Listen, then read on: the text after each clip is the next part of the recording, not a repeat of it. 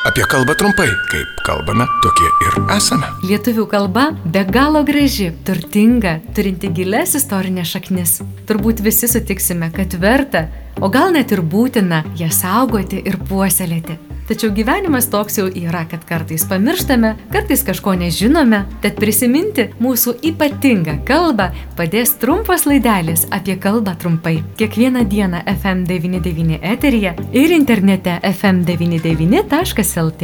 O jeigu jums kyla klausimų, kaip žodžius kirčiuoti, rašyti, kaip vartoti, Rašykite ir klauskite FM99 eta fm99.lt. Prie projektų finansavimo prisideda Spaudos radio ir televizijos rėmimo fondas.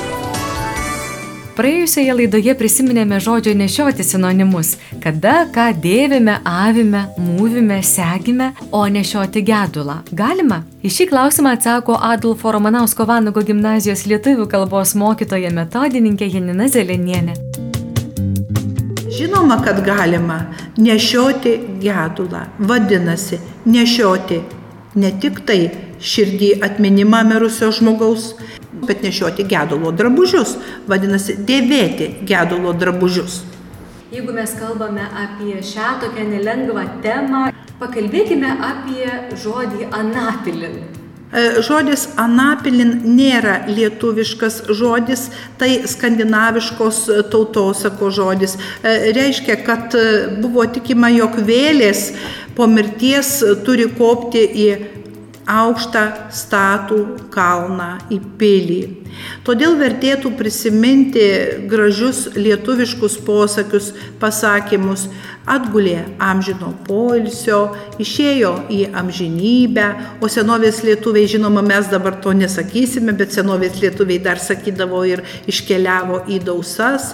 Aišku, anapilin vartojamas žodis ir tinkamas žodis, tačiau dar kartą norėčiau pakartoti, kad labai gražus žodžiai ir išėjo, iškeliavo amžinybėn, atgulė amžino poilsio. O kaip rašyti anapilin, kai rašome mažąją ar didžiąją raidę? Tik stilistiniais sumetimais mes rašome šios žodžius didžiąją raidę ir anapilin, ir rojus rašome didžiąją raidę, o šiaip tai galima rašyti mažąją raidę. Lietuvių kalbos mokytoja metodininkė Janina Zelenienė kalbino Eglė Malinauskenė. Jeigu ir jums kyla klausimų, kada ir kaip vartoti tam tikrus žodžius, kaip rašyti ar kirčiuoti, klauskite. Lauksime jūsų elektroninių laiškų adresu fm99 eta fm99.lt. Apie kalbą trumpai. Prie projektų finansavimo prisideda Spaudos radio ir televizijos rėmimo fondas.